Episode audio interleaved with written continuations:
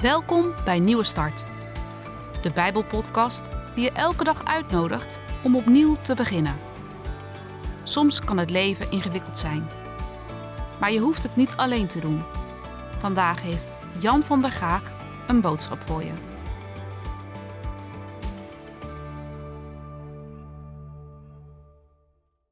Ik ontmoet wel eens mensen die zoveel hebben meegemaakt dat ik niet snap dat het allemaal in één mensenleven past. En soms gewoon echt te veel. Sommige mensen hebben van kinds af aan ellende op ellende meegemaakt. En nu ze ouder zijn geworden, is het niet anders.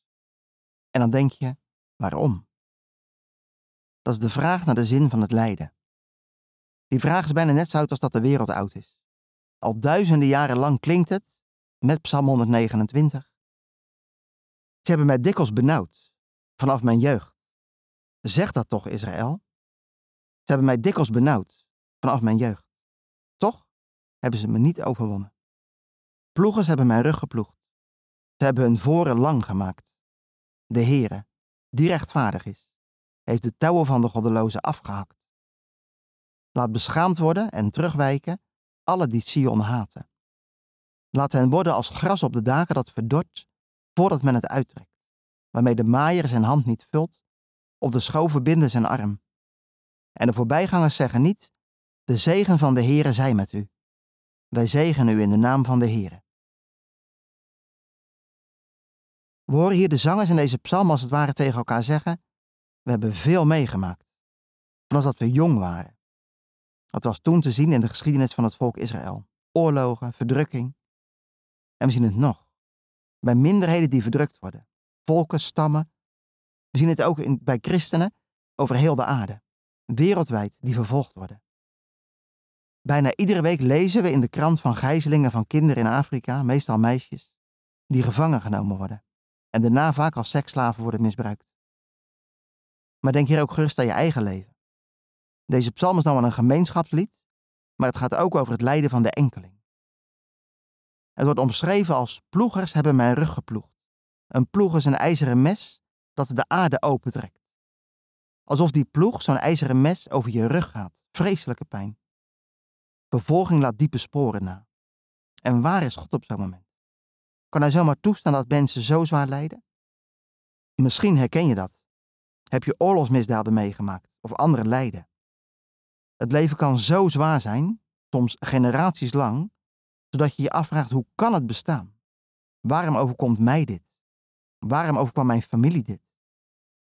En daar hebben we meestal gewoon geen antwoord op. Ik denk aan Jezus. Hij werd gegezeld. Zijn rug werd als het ware opengeploegd. Hij heeft ontzettend geleden. En hij liet het over zich heen komen. Dat deed hij om de straf op de zonde te dragen. Om de relatie tussen mens en God te herstellen.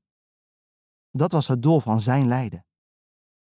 Ondanks dat hij het wist, en ondanks dat hij er zelf voor koos, vroeg hij toen hij aan het kruis hing: Mijn God, mijn God, waarom hebt u mij verlaten? En hij kreeg geen antwoord. Waar was God op dat moment? Nee, ik heb ook geen antwoord op de vraag wat de zin van het lijden is. De oorzaak is dat wij als mensheid God verlaten hebben. Wat het lijden in ons leven moet uitwerken, dat weet ik ook niet. Wat ik wel weet, is dat God erbij wil zijn. En dat God geen fouten kan maken. Tweede deel van de psalm is een gebed tegen de vijanden. Eigenlijk wel vreemd dat hier gebeden wordt tegen vijanden.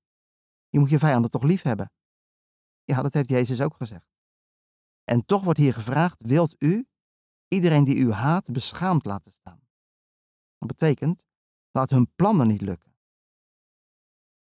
Wat zijn hun plannen? Ze haten Sion. En Sion is de tempel waar God woont. Dus het gaat ten diepste om haten van God. En ja, daar mogen we tegen inbidden. Dat iedereen die God haat, die God niet volgen wil, zal merken dat ze op een doodlopende weg zitten. Het brengt ze niet. Je wilt dat ze zich bekeren tot God. En als je dit bidt, zoek je daarmee het behoud van mensen.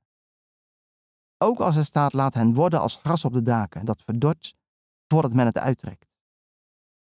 Onkruid dat op platte daken groeit en als snel verdort, heeft geen waarde. Je hebt er niets aan, het levert niets op. Onkruid gooi je weg Je steekt in de brand of je gooit op de composthoop. God niet volgen levert geen voorspoed, maar alleen ellende op.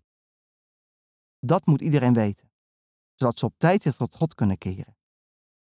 En dan kunnen we wel zeggen, de zegen van de Heere zij met u. We zegenen u in de naam van de Heere. Als dat de vrucht is van ons lijden, heeft ons lijden zin. Heere, God in de hemel, we hebben geen zin in lijden. En we buigen ons onder uw regering. Geef dat wij en alle mensen, ook hen die als het ware onze rug ploegen, ons tot u bekeren. Amen.